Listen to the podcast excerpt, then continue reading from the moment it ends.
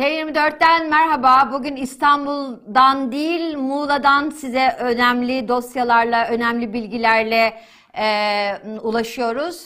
İstanbul merkezli haberciliği biraz İstanbul dışına çıkaracağız ve Muğla'daki ekolojik mücadeleyi parsel parsel Muğla'nın doğasının, yaşamının nasıl talan edildiğini konuşacağız.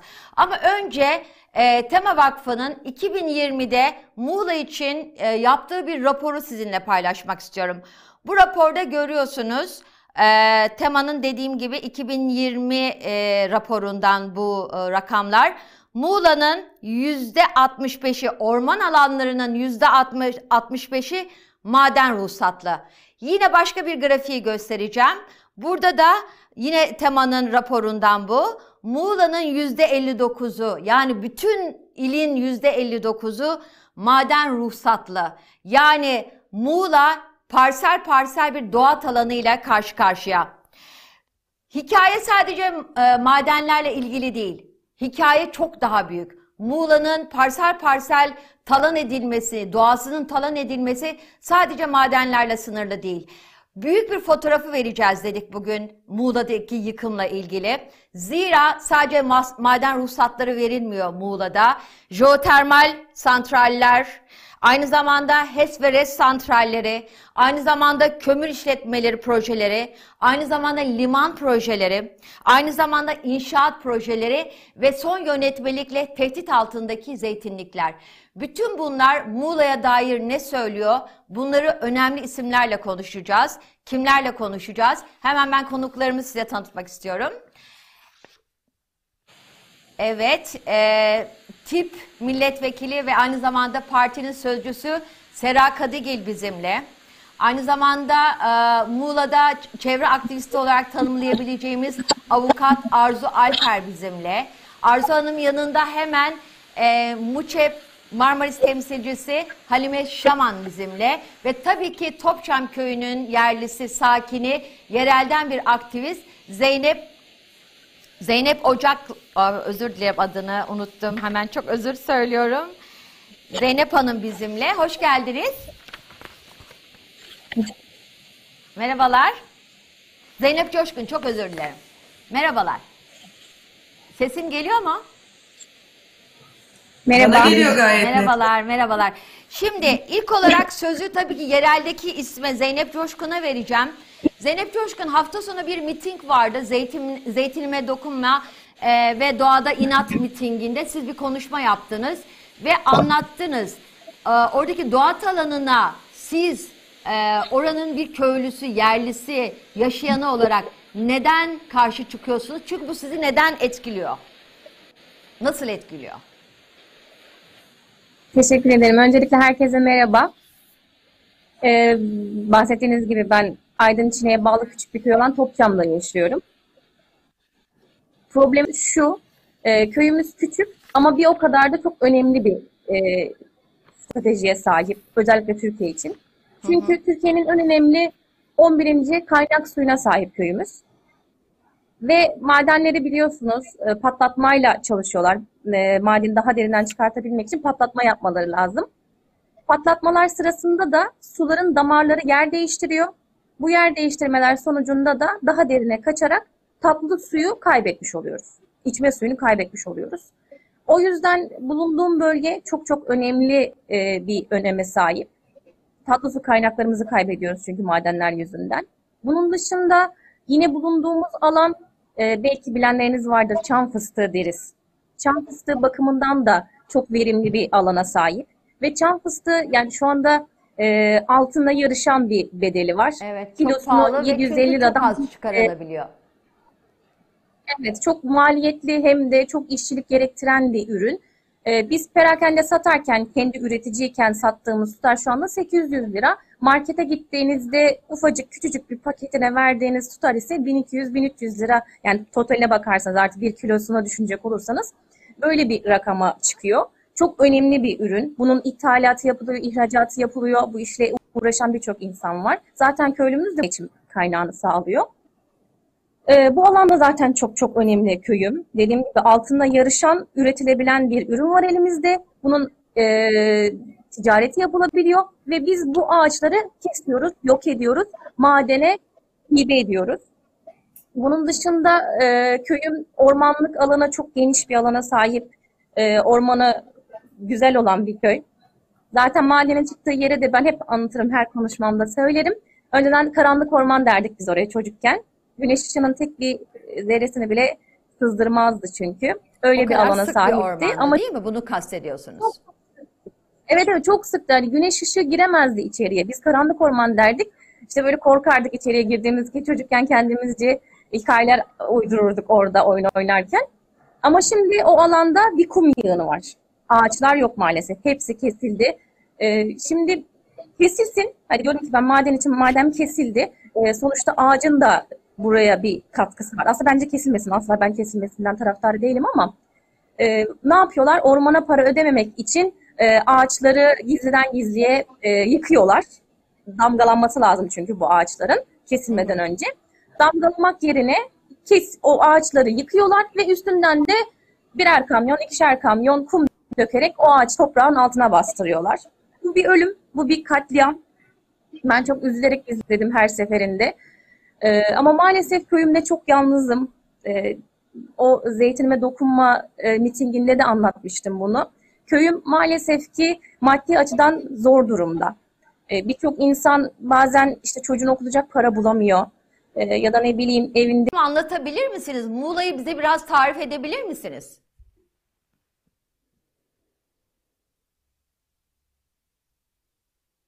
Sesim geliyor mu Arzu Hanım? Peki, e, Serra Kadıgil duyuyor mu beni? Zeynep Hanım merhabalar. Ha, bağlantım koptu galiba. Bir anda Maalesef, maalesef bu internetin bize azizliği işte. Ee, diğer konuklarım da dondu. Bu arada herhalde arkadaşlarım diğer konuklarla bağlantıları da e, tekrardan sağlayacaktır. Zeynep Coşkun yalnız olduğunuzu söylediğiniz köyde. Maalesef ki Evet, yalnızım dediniz. O yalnızlığınızı anlatabilir misiniz? Yani e, köylüler e, geçimle doğa arasına mı sıkışmış durumda? Tabii yani ben hep bunu şöyle diyorum. Bugün mü öleyim, yarın mı öleyim? Yani onun tercihini yapıyorlar. Eğer ki madene hayır derlerse e ne olacak? İşte olan çocuğunu çıkarmak zorunda kalacak. Çünkü madenci köyde yaşayan birçok ailenin işte torununa iş verdi, damadına iş verdi, kızına iş verdi. Ee, onlar da doğal olarak hani ben onlara asla şey yapmıyorum açıkçası. Kızmıyorum. Bazen kızıyorum. Diyorum ki neden yapıyorsunuz bunu? Yapmayın. Biz zaten çok güzel bir köye sahibiz. İmkanlarımız çok güzel. Üretsek, kazansak daha çok paramız olur ama onlara da hak veriyorum. Ekmek davasında hepsi. Ee, o yüzden e, bize karşılar. Hatta şöyle düşünüyor birçoğu. İşte siz madenciye engel oluyorsunuz. Siz madencinin işini engelliyorsunuz. Bizim işimizi engelliyorsunuz diye konuşuyorlar.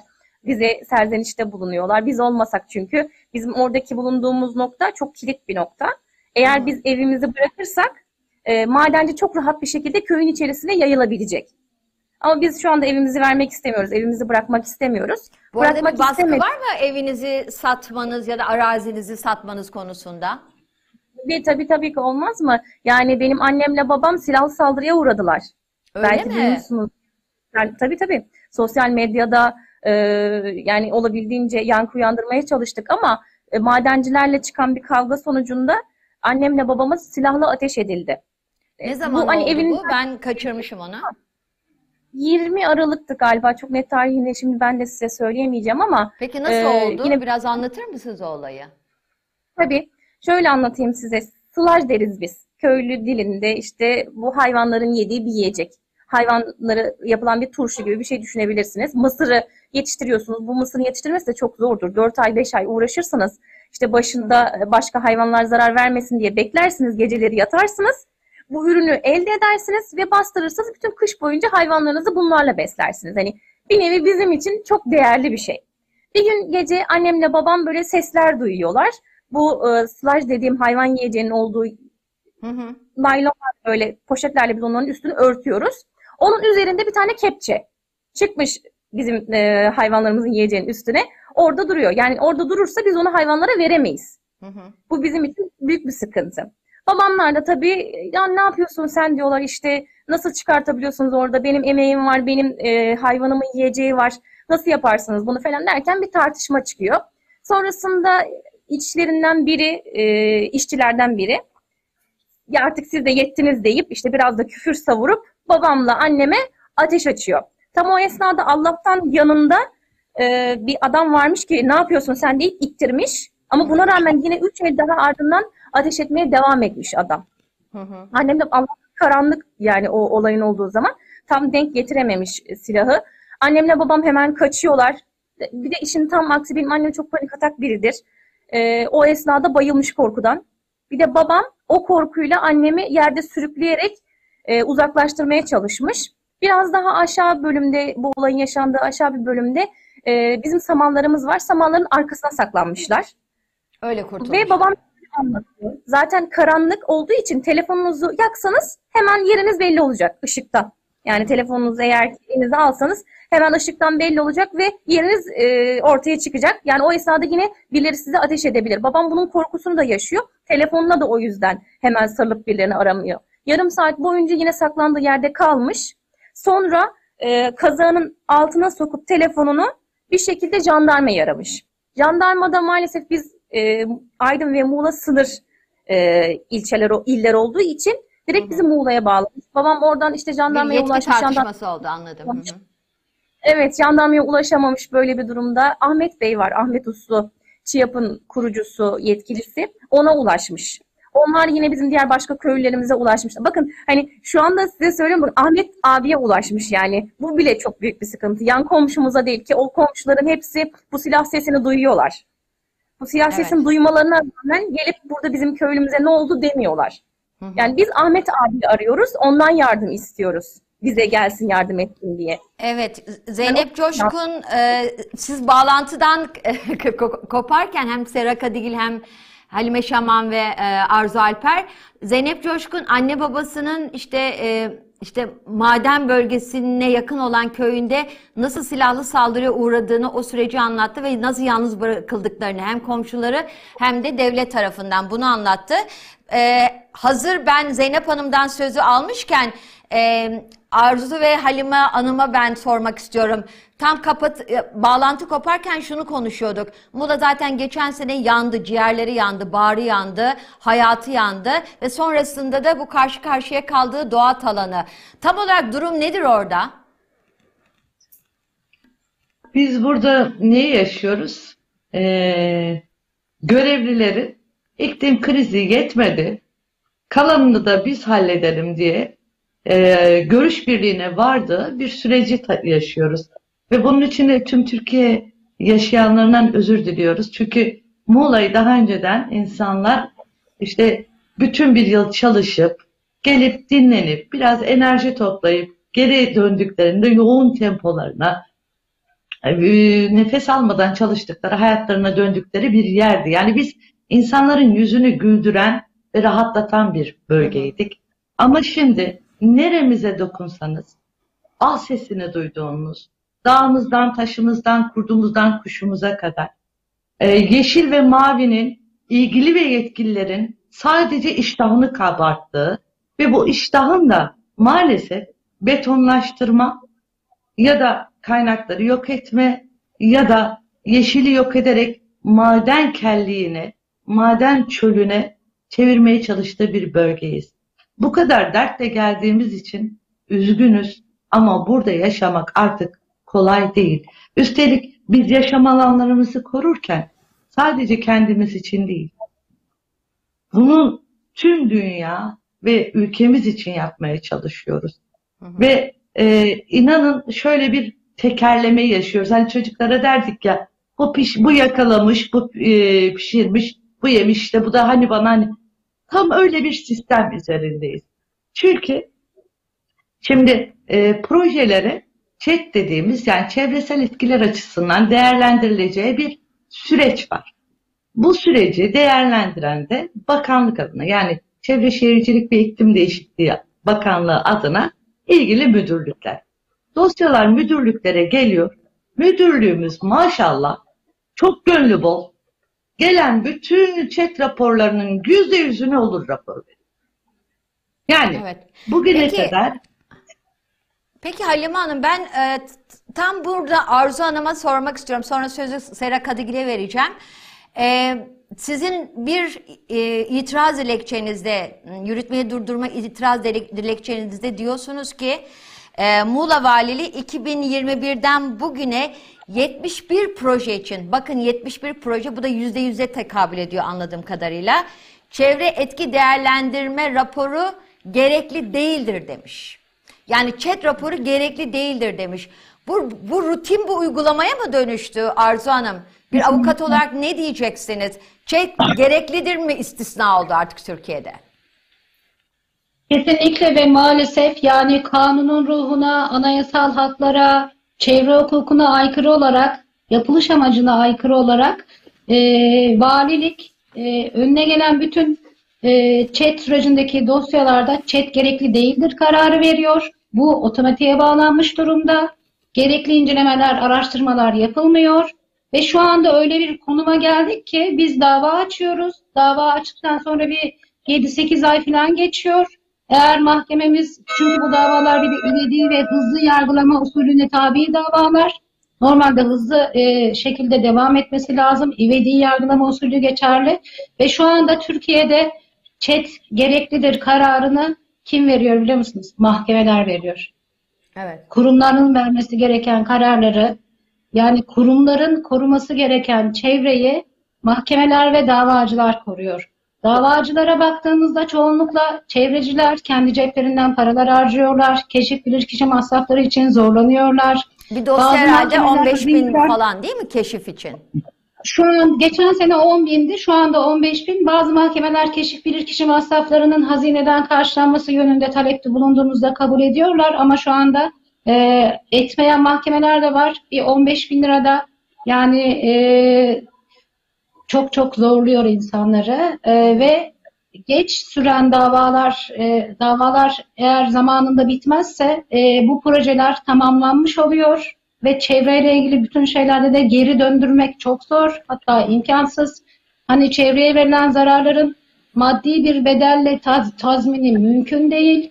Ve bu yönden gerçekten e, zorluk yaşıyoruz. Ve şu anda hani e, nereye nereyle uğraşacağımızı şaşırmış haldeyiz.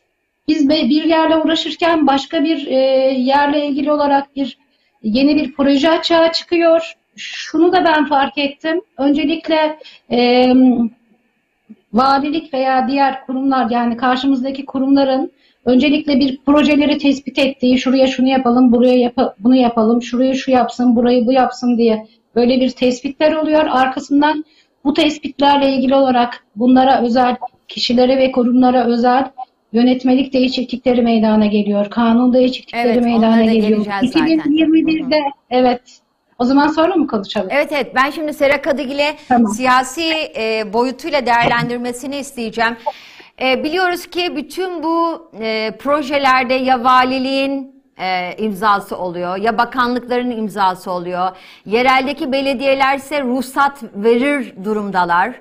E, mesela Simpaş'ın e, o dev resort ve e, devre konut inşaatına ruhsatlar uzun süre verilmiyor, daha sonra veriliyor. Bütün bu hikayelere baktığımızda yereldeki yönetim, e, tabii ki merkezi yönetimi temsilen valiler, kaymakamlıklar nasıl bir sınav veriyor Sera Kadıgil?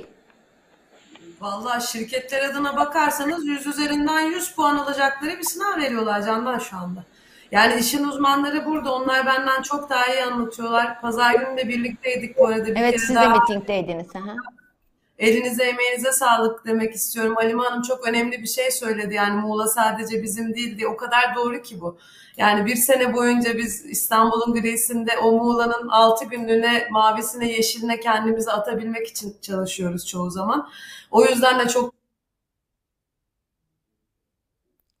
Evet. Ve verdikleri bir sınav yok aslında Candan. Şu anda hani çok açık ve net söylemek lazım. Parsel parsel bu vatanı yabancı şirketlere peşkeş çekiyorlar. Bunu yapan da vali, bunu yapan kaymakam, yeri geliyor bunun önünü açan ne yazık ki yerel yöneticiler benim bölgeden anladığım kadarıyla. Ve o kadar aptalca bir şey ki bu yani teknik kısmını te- işte Zeynep bahsetti.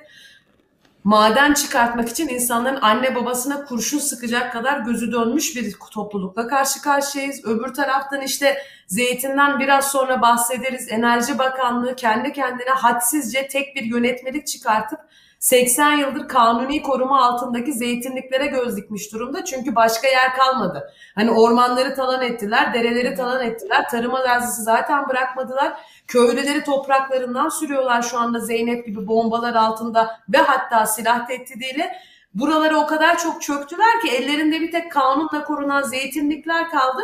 Şimdi dertleri bir yönetmelikle o zeytinlerin de e, tarumar etmek aslında. Ve burada en sinir bozucu şey siyaseten konuşmak gerekirse şu bence Candan yani toprağın altındaki kil için, toprağın altındaki kömür için, toprağın altındaki hatta altın için ki bunlara bunlardan kazanç sağlayan da Türkiye Cumhuriyeti Devleti vatandaşları falan değil ha. Hani kimse yanlış anlamasın. Böyle orada kömür var, o kömürü çıkartacaklar, onu yakacaklar, fakire fuka. Böyle de bir şey yok. El alemin Kanadalı şirketlerini, el alemin Alman şirketlerini getiriyorlar. Bizim topraklarımızı talan ettirtiyorlar. Karşılarında karşılığında aldıkları görünürde 1 milyon, 2 milyon taş çatlasın, 5 milyon, 10 milyon ruhsat bedeli. Onun gerisinde kimler neler yiyor zaten onlar artık onların günah boynuna dememiz lazım burada. Ve bunun için ağacı, toprağı, ormanı, o toprağın altındaki suyu, etraftaki köyleri, o köylerdeki insanları, hayvanları bir daha hani on yıllar boyunca yerleşim sağlayamayacak bir şekilde yok ediyorlar. Ülkemizi şu anda yok ediyorlar. Yabancı şirketler gelip toprağımızı çalsın, buradaki madenleri çalsın, üstünde de hiçbir şey bırakmasın diye ülke toprağını, vatan toprağını peşkeş çekiyorlar şirketlere. Bu işin Türkçesi bu aslında. Yani Peki uzatmak hem Arzu Hanım'a hem de Halime Hanım'a soracağım. Kendi aralarında karar versinler kim yanıtlayacaksa. Ee, bazı örnekler var ki gerçekten hukuk arkadan geliyor. İçişleri Bakanı Süleyman Soylu'ya da e, burada herhalde bir atıf yapmak gerekiyor. İş işten geçmiş oluyor. Mesela e, Fethiye Limanı değil mi? Fethiye Limanı e, ile ilgili mahkeme yürütmeye durdurma kararı verdi ama zaten inşaat bitmiş oldu. Yani hukuki mücadele bütün bu doğa alanına yetişebiliyor mu gerçekten? Şu anda somut olarak iki tane davamız var. Bir tanesi Marmaris Belediyesi'nin açmış olduğu biz liman, Karaca Liman davasına 17 kişi müdahil olduk ve gerçekten müdahale talebinde bulunduktan sonra e, gerçekten azimli bir şekilde çalıştık. Vatandaşlarımız falan sahip çı- çıktı. Yürütmeyi durdurma kararını aldık. Sonrasında e, en ufak bir aykırı işlemde bütün e, arkadaşlarımız ayaklandı. Hemen hani gereken her türlü müdahaleyi yaptık. Orada başarılı olduk. Ama dediğiniz gibi şu anda ama SİMHAŞ'ta her şey devam ediyor. Henüz YD'ye almadık. Bilirkişi raporu dosyaya geldi. Taleplerimizi sunduk. İtirazlar mevcut. E, zaman kazanmaya yönelik olarak e, yapılan itirazlar bunlar. Ve şu anda orada bir doğa alanı sürüyor. E, SİMHAŞ için söyleyeyim, Kızılbük için söyleyeyim. E, ve şu anda biz hani mahkememizden e, ivedilikle bir YD kararı bekliyoruz. Şu anda e, ama Fethiye Limanı mesela bittikten sonra karar çıktı Evet. ve çok çok her şey için geç oldu.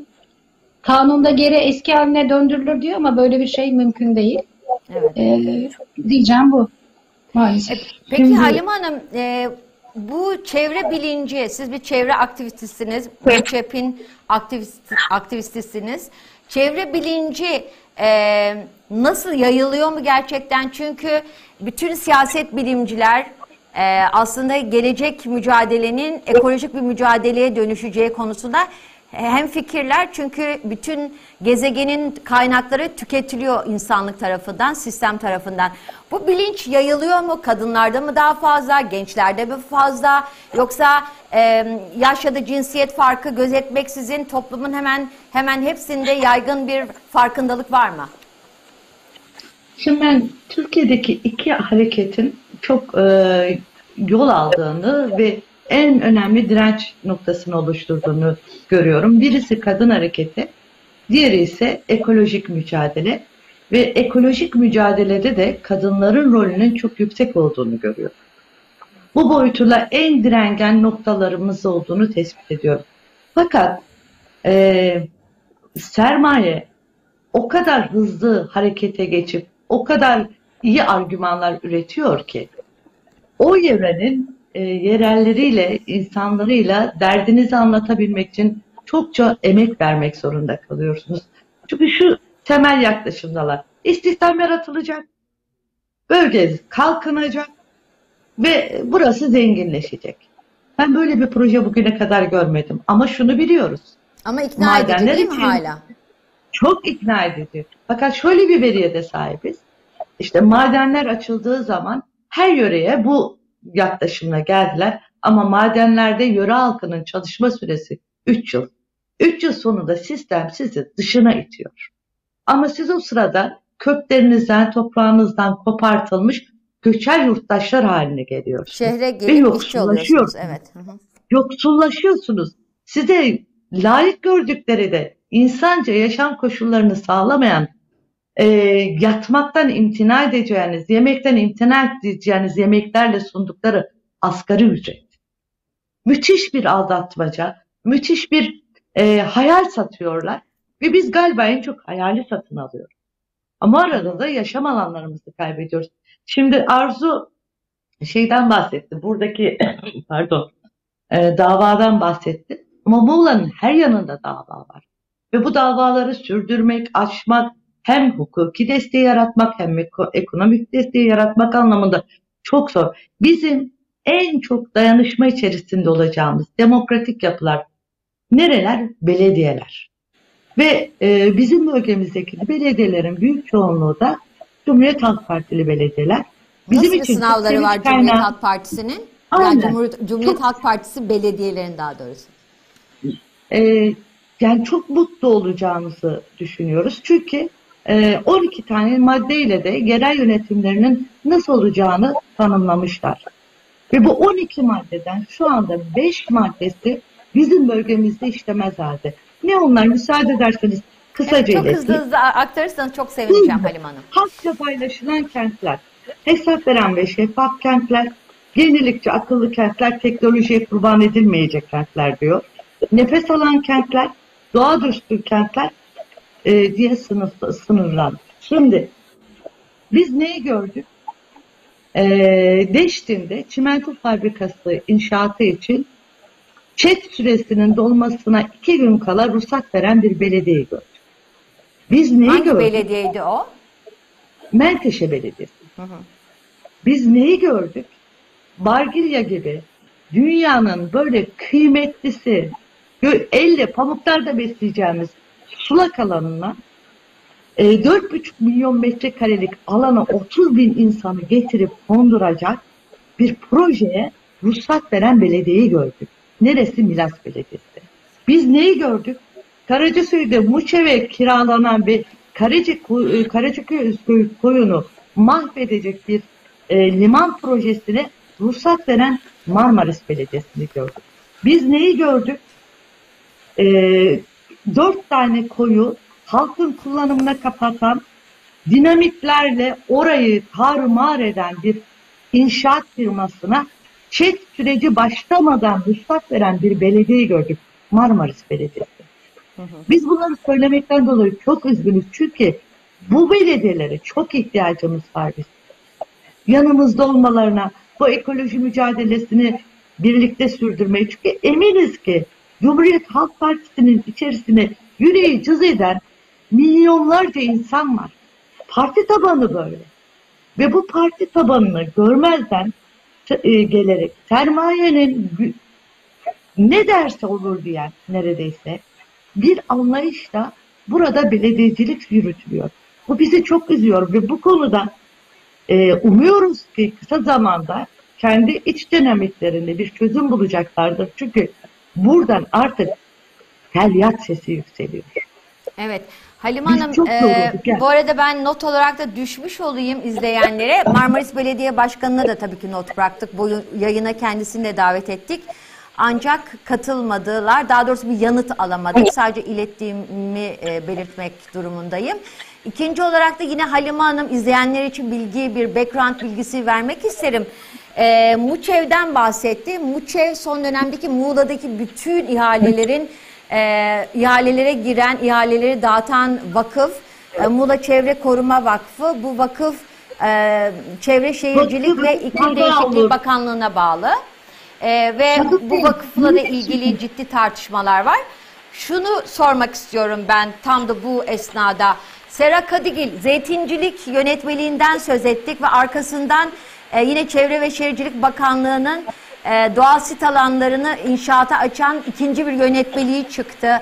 İktidar ne yapmaya çalışıyor? Seçimler yaklaşırken bütün bu doğa alanının bu kadar görünür olmasına neden izin veriyor? Bu ayağına sıkmak değil mi? Yok değil açıkçası bence Candan. Çünkü iktidar hiçbir zaman bu mevcut iktidar halkın iktidarı olmadı ki. Yani halk için, vatandaş için, yurttaş için çalışan bir iktidar yok. Yani egemenlik kayıtsız şartsız milletindir diye anca buradaki meclisin duvarında yazıyor. Böyle bir durum yok şu anda. Dün söyledim tekrar söyleyeyim. Şu anda Türkiye Cumhuriyeti Devleti'nde egemenlik kayıtsız şartsız şirketlerin. AKP, MHP iktidarının çalıştığı tek kesim şirketler. Sermayeye çalışıyorlar. Halkla, emekçilerle en küçük bir bağlantıları kalmamış durumda ve büyük bir talana çevirmiş durumdalar bunu. Yani zaten temel sorunumuz da burada başlıyor. Hani anlatıyorlar şimdi meslektaşlarım delirmemek elde değil ya. Halime ile Arzu'ya mı kaldı? Oradaki çevreci insanlara mı kaldı? Bu insanlar niye cebinden para toplayıp bilirkişi ücreti veriyorlar bu ülkenin doğasına, kurduna, kuşuna sahip çıkmak için? Yani valilik nerede? Muğla valisi ne iş yapıyor? Devlet nerede yani? Şu anda Türkiye'de bir devlet yok ya. Gerçekten bir kaosa bir şirket egemenliğine teslim edilmiş durumda ve bahsettiğin konu mesela Muçi hiç utanmadan yani bu insanların derneklerin adını da çalarak onu da kirleterek kendi pis oyunlarını çevre adı altında bu şekilde meşrulaştırmaya çalışacak kadar gözü dönmüş Hani tarafsız durmaya bile çalışmıyor bakın. Ne Muğla Valiliği ne ilgili bakanlıklar. Alenen taraflar. Şirketlerden taraflar. Ne kurt kuş umurlarında, ne bizim çocuklarımızın oradaki su hakkı. Mesela Zeynep'in çocuğu orada oturabilecek mi? O ağaçları görebilecek mi? Orada su içebilecek mi? Bunlar umurlarında değil. Arzu'nun çocuğu Muğla'da yaşayamayacak bile çünkü kanser olacak. Her yeri termik santral yaptılar, her yeri şey yaptılar. Bu iş artık 3 kilo 5 kilo kemirden altından çıkmış durumda. Geleceğimizi çalıyorlar, geleceğimizi alıyorlar. Alman şirketlere, Kanadalı şirketlere kendi beşli çetelerini peşkeş çekiyorlar. Böyle bir düzen kurmuşlar. Özür dilerim kusura bakma yani zeytinden girmek gerekirdi belki ama yaptıkları Yok yok zeytin, rica ederim. zeyt, Evet, zeytinlikler çünkü bildiğim kadarıyla Akbelen Ormanı'nda hala o nöbet sürüyor değil mi Sera? Tabii onlar da hatta pazar günü gittiğimizde hem zeytin için miting yaptık hem üstüne o Deştin'de tek ağaç mevkiindeki yeri gördük. Akbelen direnişçileri de geldi ve orada anlattıkları zaten çok uzun zamandır devam eden mücadele ve artık insanlar kanserden kırılmaya başladı bölgede. Başlamış Evet. mı kanser vakaları? Anlattıkları kadarıyla öyleydi. Kendi yaşadıkları bölgede gerek jestler gerek işte HES'lerin etkisi, termik santrallerin etkisiyle de başlamış olduğunu aksettirdiler ve şeyi söyleyeceğim ben uzattım kusura bakma ama ben kendim gittim Candan. Pazar günü ben Deşteli köyüne bağlı o tek ağaç mevkiindeydim. 7700 dönümlük bir orman arazisinden bahsediyoruz. İnanamazsın göz alabildiğine çam ağaçları. Böyle bir ormanın ortasına bir firmaya, Alman bir firmaya getirmişler. Çimento fabrikası açtırmaya çalışıyorlar. Neymiş altında kil bilmem ne varmış ki aynı Almanya şunu da söyleyeyim. iki hafta önce ben Almanya'daydım. İklim Enerji Bakanlığı'nda da görüşmeler gerçekleştirdik. Kendisi çimento fabrikası açılmasını yasaklamış durumda neredeyse. Kendi topraklarında yaptırmıyor. Neden? Çünkü Türkiye Cumhuriyeti Devleti'ni bir sömürge gibi her şeyiyle varıyla yoğuyla yabancı şirketlerin talanını açan bir iktidar var burada. Zaten Almanya'da- Batı'nın çöpleri de Türkiye'ye geliyor biliyorsun. Aynen öyle ve şu anda Muğla'da 7700 dönüm ormanın ortasına çimento yapmaya çalışıyorlar.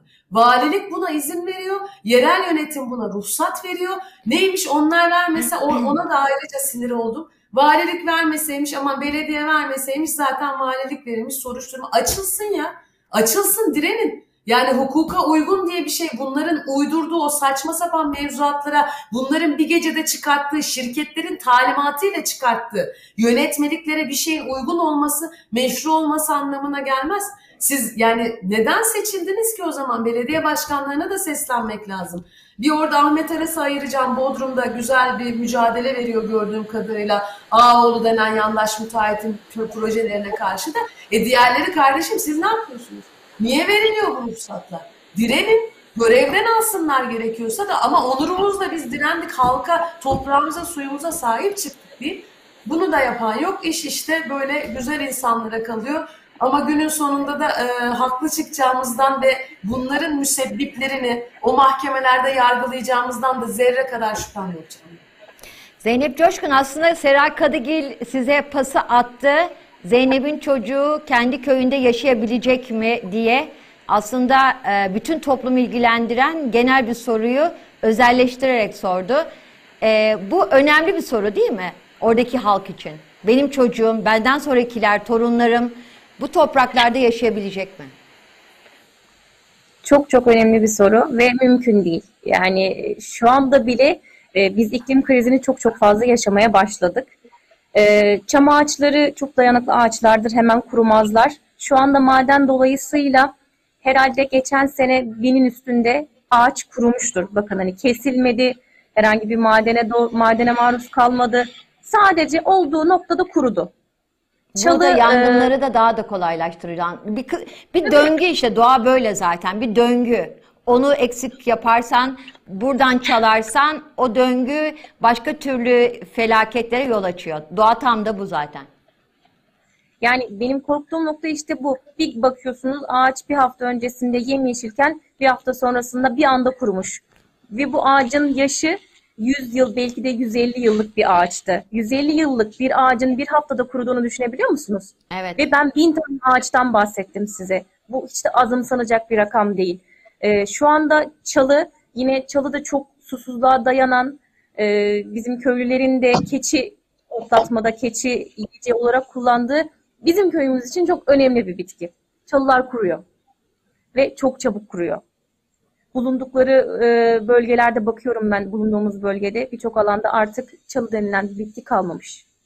Bu çok evet. ürkütücü. Ben her köye gittiğimde yani tüylerim ürpererek e, bunu şey yapıyorum, yaşıyorum. Diyorum ki Allah'ım ne olacak? Nereye gideceğiz? Bizim köyümüz su olarak dedim ya size kaynak Hı-hı. suyu var Tat, ve biz tatlı sular. Bu doğru bizim evimizde su. Bizim banyomuzda tatlı suyla, işte hayvanlarımızda tatlı suyla suyumuz bol. Artık bizim köylülerimiz madenciye gidip diyor ki bahçesini sulayabilmek için ya da hayvanını sulayabilmek için bize bir tankercik su verir misin? Madenciden su istiyoruz biz. Ya, Acı çok, hani çok çok çok, çarpıcı. Çok çok kötü bir durum. Ee, ve köylü diyor ki ya ne yapalım? Onlara şimdi sondaj da çaktılar. Çok derinden çaktılar bir de. Onlar e, sondaj çakınca bizim köyümüzün suları maalesef ki kesildi. Birçok alanda artık köylülerin suyu çıkmıyor. Su çıkmadığı için köylü susuz. Artık önceden diyorduk ki işte toplam suyu, tatlı suyumuz var. Şimdi susuz köy olarak anılabiliriz. Evet. Çocuklarımızın yaşamaları mümkün değil. Hı hı. Ya Zeynep Coşkun'un anlattıkları şu açıdan da çok önemli diye düşünüyorum. Herhalde siz de katılırsınız. Ee, Zeynep Coşkun kuşaktan kuşağa aktarılan bir bilginin taşıyıcısı. Yani o ekolojik dengeyi de gözeten, o ekolojik dengeyi nasıl sağlanabileceğini anlatan bir bilgiye sahip. Bütün bu yıkım aynı zamanda bu bilginin de yıkımı, yok olması demek. Çünkü oradan böyle bir hafıza taşındığında, şehirlere taşındığında hiçbir zaman orası o hafızayı yeniden canlandırma şansına, imkanına sahip olmayacak. Yavaş yavaş programın sonuna geliyorum. Ben son sözü hem Halime Hanım'a hem de e, Arzu Hanım'a vermek istiyorum. Programın başında dedim ki yıkım çok büyük. Ee, işte inş, e, çimento fabrikaları, çimento projeleri, inşaat projeleri, kömür madenleri, diğer madenler, jeotermal santraller, restler, HES'ler ve inşaatlar ve tabii ki zeytinliklerin talan edilmesi. Bütün bu tabloyu bir kez daha hatırlattığımızda son olarak ne diyeceksiniz bu yıkıma karşı? Aslında Tezer Özlü'nün bir sözü vardır ya, burası bizim değil, bizi öldürmek isteyenlerin ülkesi. Ee, bu bölgeden belki de bunun tam tersi tüm ülkeye yayılacak. Çünkü biz burada yaşam alanı mücadelesi veriyoruz ve bunu da çok inançla bugün için değil gelecek için olduğunu bilerek veriyoruz. Evet çok yoruluyoruz. Çeşitli e, yaptırımlarla üzerimize geliniyor. Ama biz neyi koruduğumuz, koruduğumuzun farkındayız. Burada üstelik bir şaman kökenden de geliyoruz. Doğada her canlının her canın hakkı olduğunu, her birinin can olduğunu biliyoruz. Ve e, sonuna kadar da bütün arkadaşlarımızla dayanışma içerisinde. Bu arada Sera Hanım'a da çok teşekkür ederiz. Müthiş güzel destekler verdiler. Bir arada e, işimizin zor olduğunu unutmadan ama yerel yönetimleri de yanımızda olmaya davet ederek kararlılıkla yürüteceğiz çalışmamızı. Size de Arzu Hanım, siz izin- neler diyeceksiniz? verdiğiniz için teşekkür ederiz. Rica ederim. Şimdi Edip Görevimiz Cansever'in bir şiiri vardı. Mavi huydur bende diyor. Bizim de huyumuz mavi. Hem gökyüzünün mavisi hem denizin mavisi. Bizim huyumuz yeşil. Bizim beton huyumuz yok. Bizim talan huyumuz yok. Bizim rant huyumuz yok. Ve hep birlikte sonuna kadar mücadele edeceğiz. Biz biliyoruz ki yalnız değiliz. Biz biliyoruz ki biz ölmeyeceğiz. Bizi öldürebilirler ama biz ölmeyeceğiz. Bu çok çok başka bir kavram diye düşünüyorum. Biraz duygusal davranıyorum. Çok duygusalım. Çünkü aynı zamanda mesela davalarda asil olarak da tarafım, davacı tarafım. Ee, hani gerçekten Halim Hanım'la Halim Hanım'a davalar açılıyor, oralara koşturuyoruz, İstanbul'a gidiyoruz, evet, geliyoruz. İstanbul'da Ee, davası var gerçekten- Halim Hanım'ın. Ee, evet hani sadece Halim Hanım'a değil e, başka çevre aktivistlerine de davalar açılıyor. Yıldırma, e, sindirme politikaları uygulanıyor. Şu anda yeni bir kanun taslağı var. Basın zaten e, hüküm altına alınacak. E, basına yasak gelecek bu konularda. E, Şirket gerçekten izin- çok e, Atatürk'ün de hani dediği gibi e, hattı müdafaa değil, sattı müdafaa ve bütün vatan üzerinden bu mücadeleyi sürdürmek zorundayız. Bir şekilde birleşmek zorundayız diye düşünüyorum. Teşekkür ederim herkese, bütün mücadele edenlere. Sera Kadigil çok teşekkürler. Zeynep Coşkun çok teşekkürler. Halime Şaman çok teşekkürler. Arzu Alper çok teşekkürler. T24'ten şimdilik bu kadar. Muğla'daki parsel parsel doğa yık- yıkımını konuşmaya çalıştık. Taraflarıyla ve büyük fotoğrafla o yıkımın nasıl bir yıkım olduğunu anlatmaya çalıştık. Evet temanın son e, grafiğiyle de e, bitirelim programımızı. Tema 2020 2020 raporunda diyordu ki Muğla'nın %59'u e, maden ruhsat alanı. Mu- Muğla ormanlarının %65'i maden ruhsat alanı. Bu sadece madenlere ilişkin bir fotoğraf. Onun dışında dediğim gibi termik santraller, jeotermal santraller, inşaatlar, madenler, kömür rezervleri, zeytinlikler bütün bunlar bu e, talana dair e, puzzle'ın küçük küçük parçaları ama bütünleşince büyük bir yıkım ortaya çıkarıyor. Biz Muğla'daki yıkımı ve Türkiye'nin birçok noktasındaki doğa yıkımını T24'te ekranlarınıza getirmeye devam edeceğiz. Şimdilik hoşça kalın, T24'te kalın ve tabii ki YouTube kanalımıza abone olmayı unutmayın. Sizleri desteklerinizle ayaktayız. İyi akşamlar.